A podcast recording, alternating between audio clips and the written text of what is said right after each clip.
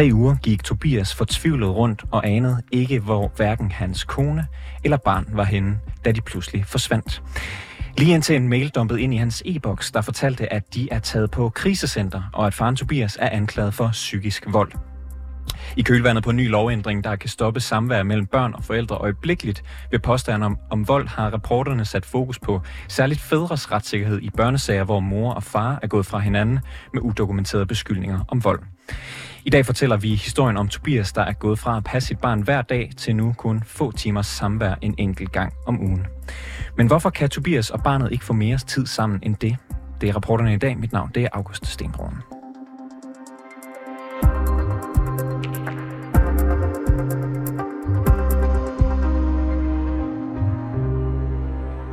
Jeg vil lægge ud med at sige, at Tobias er et dæknavn for den far, vi skal høre fra lige om lidt. Vi anonymiserer ham, fordi Tobias frygter, at hans medvirken kan få betydning for hans igangværende sag.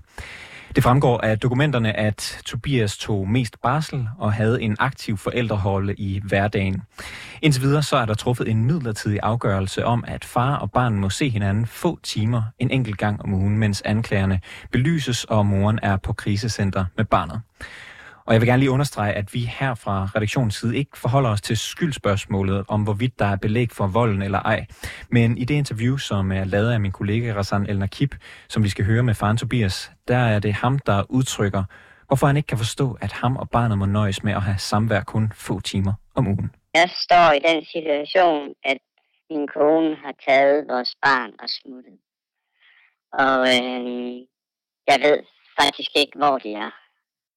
Jeg er efterfølgende modtaget fra familieretshuset øh, min kones ansøgninger, og deri står der, at hun er flygtet på krisecenter.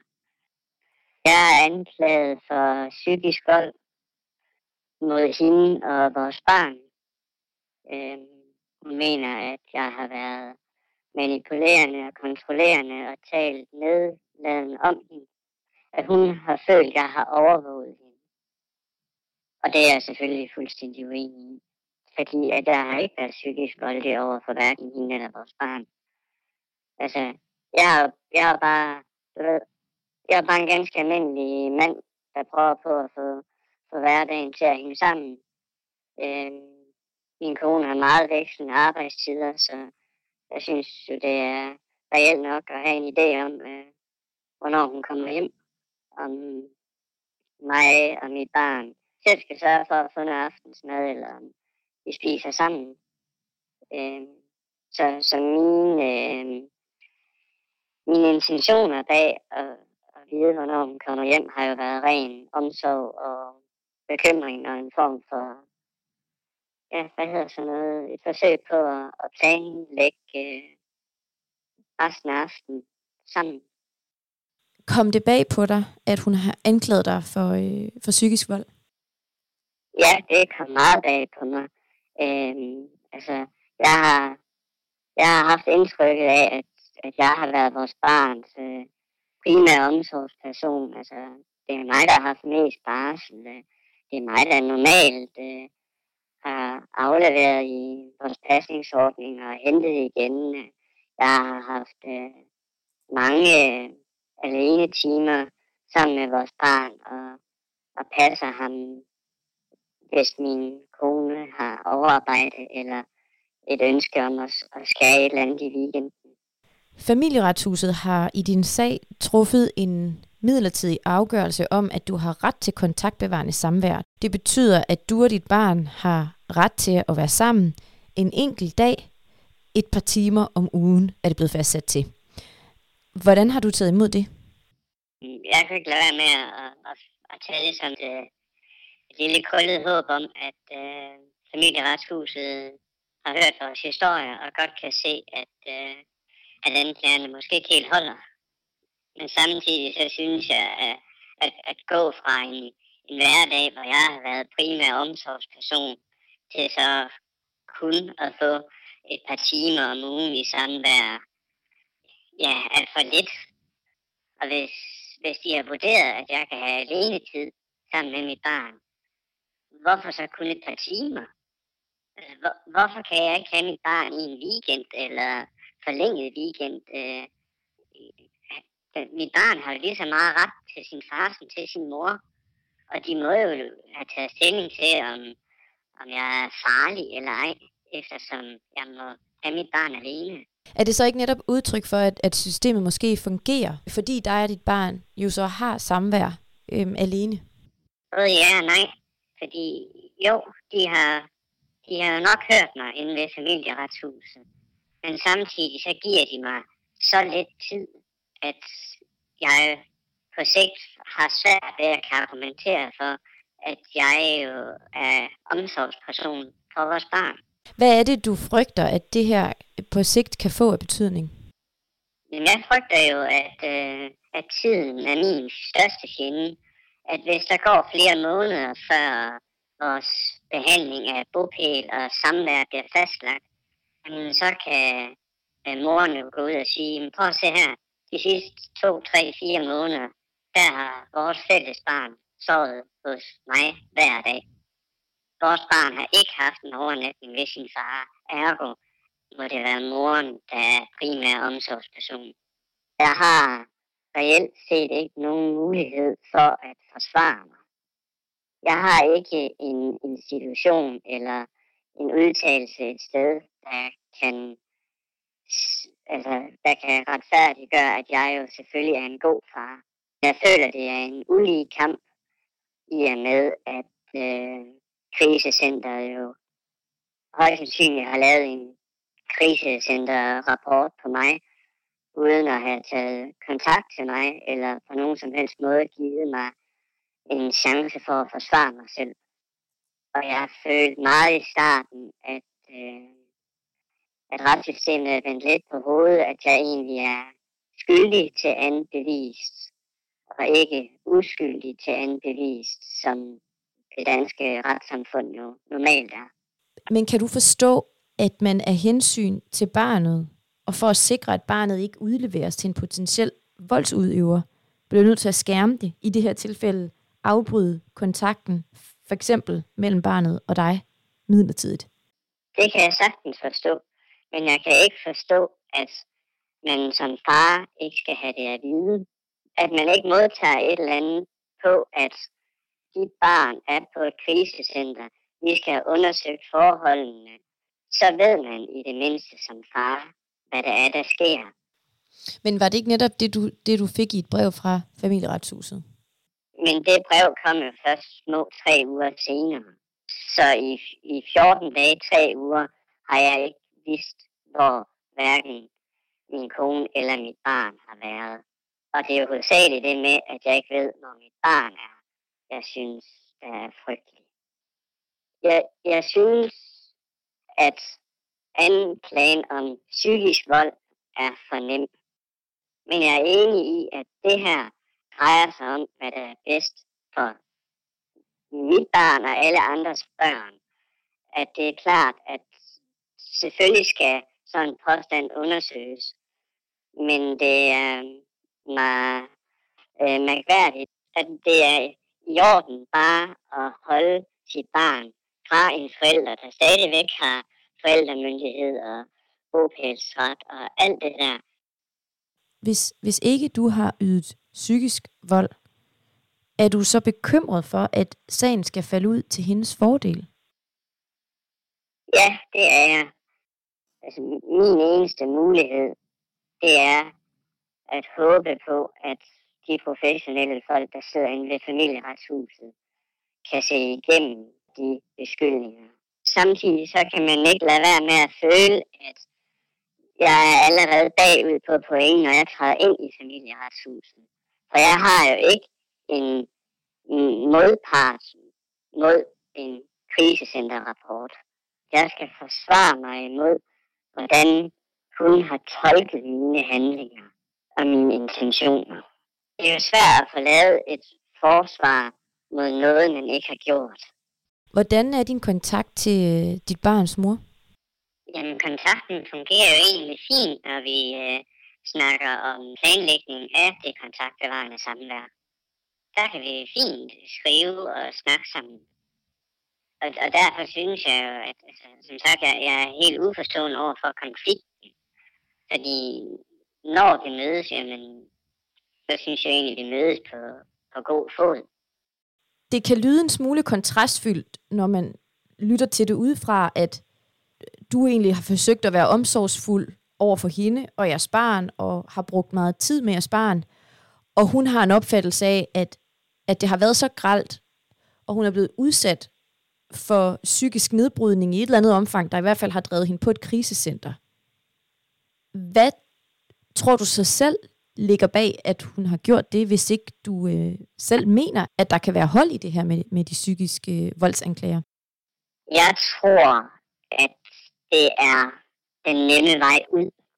At det er et forsøg på at såre mig. Men hvorfor skulle hun udsætte sig selv og jeres barn for at leve et liv på et krisecenter, der jo ikke er et luksusliv? Jamen, jeg tænker jo, at hvis vi havde fået en ganske almindelig skilsmisse, så havde familieretshuset aldrig givet min kone øh, lov til at flytte til en anden kommune med vores barn. Men i og med, at hun går igennem krisecentret, så øh, bliver det langt nemmere for hende at få bopælsretten, og så kan hun flytte lige derhen med vores barn, som hun har lyst til. Øh, og så står jeg egentlig bare tilbage som et stort spørgsmålstegn med, at jeg kan ikke forstå, hvorfor vi ikke bare kan blive skilt på god fod, og så bare kan godt videre hver for sig. Sagen er lige nu under behandling i familieretshuset, som skal tage stilling til, hvem af forældrene, der får bopælsretten over barnet, og hvordan fordelingen af samvær med barnet skal se ud. Krisecentrene i Danmark de hviler på et princip om, at kvinder kan møde op akut på alle tidspunkter af døgnet og bede om en indkvartering, uden at skulle bevise, at de er blevet udsat for vold.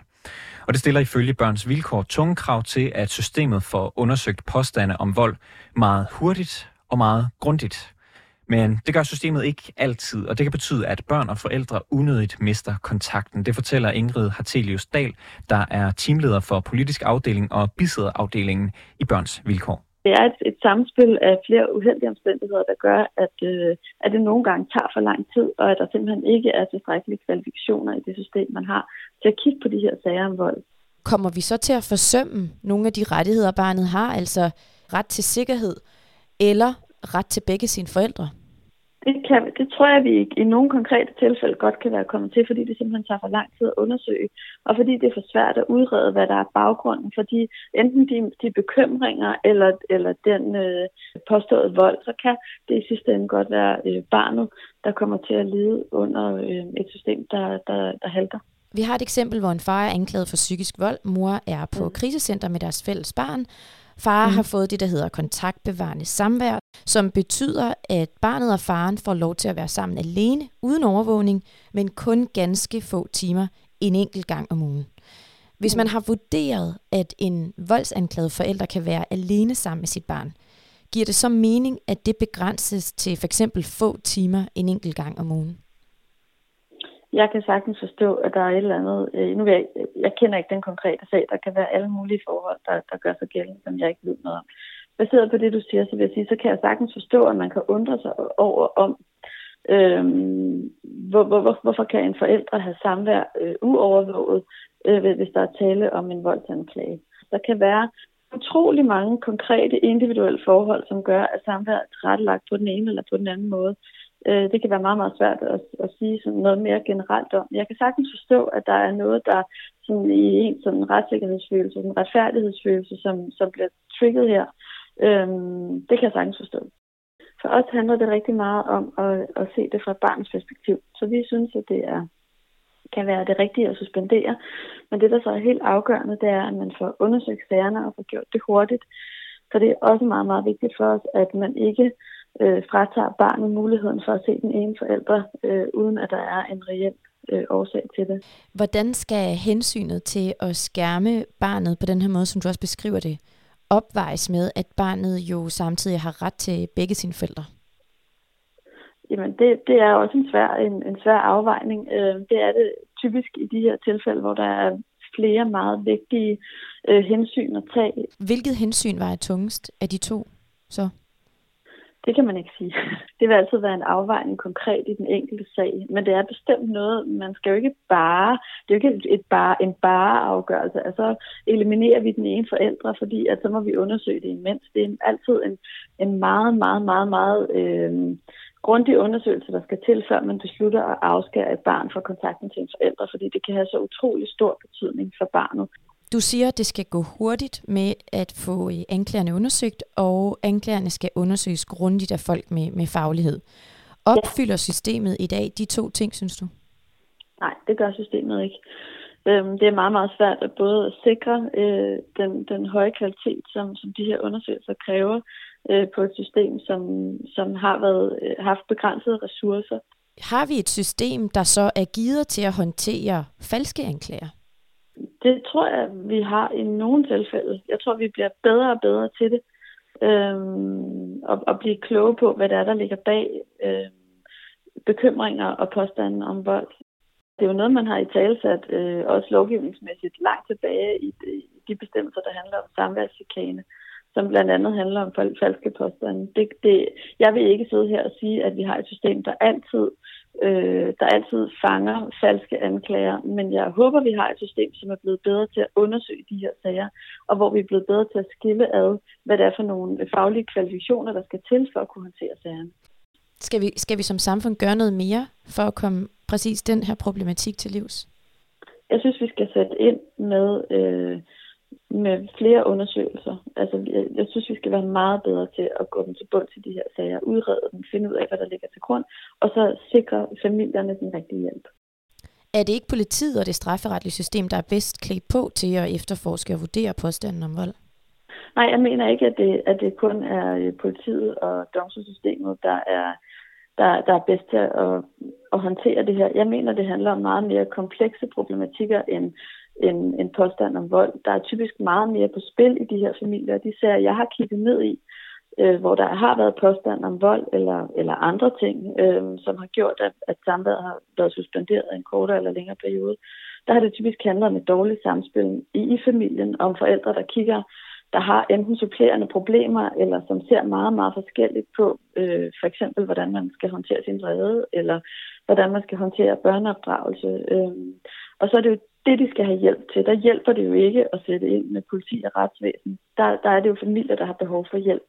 Når jeg spørger, så er det jo fordi, ud fra de sager, vi i hvert fald kan se, så er det jo de her voldsanklager, der ender med at få en afgørende betydning. Betyder det, du siger her, at voldsanklagerne så ikke skal være så tungtvejende, som, som de jo er i flere af de sager, ja. vi i hvert fald har kigget ind i? Jeg synes altid, at, at anklager om vold skal veje tungest. Og det lyder som om, at de sager, hvor, som I har kigget ind i, det er sager, hvor volden så har, altså hvor, hvor det har vist sig, at anklagerne var ubegrundet. Det, det tager vi faktisk ikke stilling til. Vi forholder os ikke til, hvorvidt der er belæg for voldsanklagerne eller ej. Men vi har for eksempel en sag, hvor det fremgår af familierettens afgørelse, at der ikke foreligger nogen dokumentation eller andre oplysninger, der godt gør volden. Så det bliver den tid, der er gået tabt for børnene med deres far, der, øh, der får en betydning for, at mor vinder retten over børnene. Og så har vi den sag, hvor en far har fået kontaktbevarende samvær med sit barn på grund af psykiske voldsanklager, som betyder, at han kun må se sit barn en gang om ugen i få timer. Men der ligger ikke nogen politianmeldelse, og derfor så bliver det jo aldrig efterforsket eller undersøgt i det øh, strafferetslige system i hvert fald. Jeg kan sagtens forstå bekymringen for, at mere eller mindre velbegrundet voldsanklager kan få en afgørende betydning for det samvær eller den, de afgørelser om bogpæl og forældremyndighed, som, som der bliver truffet. Øhm, jeg håber også, at vores system bliver bedre og bedre til at håndtere de her anklager om vold, så man ikke bare du, nærmest per automatik øh, laver en, op, en afgørelse om ophævelse af samvær, men det er rent faktisk noget, man spørger ind til at interessere sig for og efterprøver i et eller andet omfang, uden at man indleder en efterforskning. Når jeg taler med krisecenter, så er det ikke min oplevelse, at de fortæller om en masse øh, typisk møder, som kommer ind og, øh, og, og, og hælder en masse falske anklager ud. Øhm, så det er da også mit håb, at det her det i langt, langt de fleste tilfælde vil handle om, om forældre, der har været udsat for vold, og som har haft, øh, haft stort behov for, øh, for, for, det, for den hjælp, et krisecenter kan give. Men, men det er rigtigt, at, øh, at det stiller utroligt store krav til, til krisecentrenes arbejde hvis ikke det bare skal være en blankocheck. til, at man kan få afbrudt et samvær, man ikke rigtig gider forholde sig til. Er der nogen grund til at være bekymret for, at det sker? Jeg håber jeg ikke. Vi har, øh, vi har talt med flere familieadvokater, som øh, har udtrykt bekymring for, at, at netop den her lovændring vil svække dels barnets ret til begge sine forældre, men også for, øh, forældres retssikkerhed. Er I øh, bekymret nu? Nu varetager jo barnets øh, perspektiv her. Men er ja. I bekymret for noget af det her? Altså, jeg, jeg tænker altid, når vi har de her, at, de, at bestemmelser er blevet sat ind, fordi man har oplevet store vanskeligheder med rent faktisk tilstrækkeligt, tilstrækkeligt hurtigt at kunne få, at få et etableret et, et tåligt øh, forhold for børn, der har været udsat for vold. Så på den måde, så, så, øhm, så, så har det været den primære årsag, det skal man jo huske. Altså det her, det handler jo ikke om at få øh, at give en masse øh, forældre en kattelem til at få afbrudt et samvær. Det, bestemmelsen er jo indsat for at beskytte børnene, så det er det primære hensyn. Når, når det så er sagt, så kan man sige, så er vi altid bekymrede, når der bliver indført nye bestemmelser, som har et vidtrækkende omfang, så derfor følger vi det nøje. Øhm, og så må vi jo se, om der er anledning til bekymring. Øhm, det, det, det hænger også rigtig, rigtig meget, kommer rigtig meget an på, hvordan krisecentrene de øh, kommer til at bruge den her nye bestemmelse. Og den lovændring, der bliver refereret til i slutningen af interviewet her, er en lovændring, der blev vedtaget i sommer i forældreansvarsloven, og som muliggør, at man kan afbryde kontakten mellem et barn og en voldsanklaget forælder, hvis en anden forælder er taget på krisecenter med barnet. Det var alt for reporterne i denne omgang. Bag dagens udsendelse var San Elna Kip. Mille Ørsted er redaktør, og mit navn det er August Stenbrun. Kære lytter, du har lyttet til et program fra 24 /7. Du kan finde meget mere modig, nysgerrig og magtkritisk taleradio på 24 7 appen Hent den i App Store og Google Play.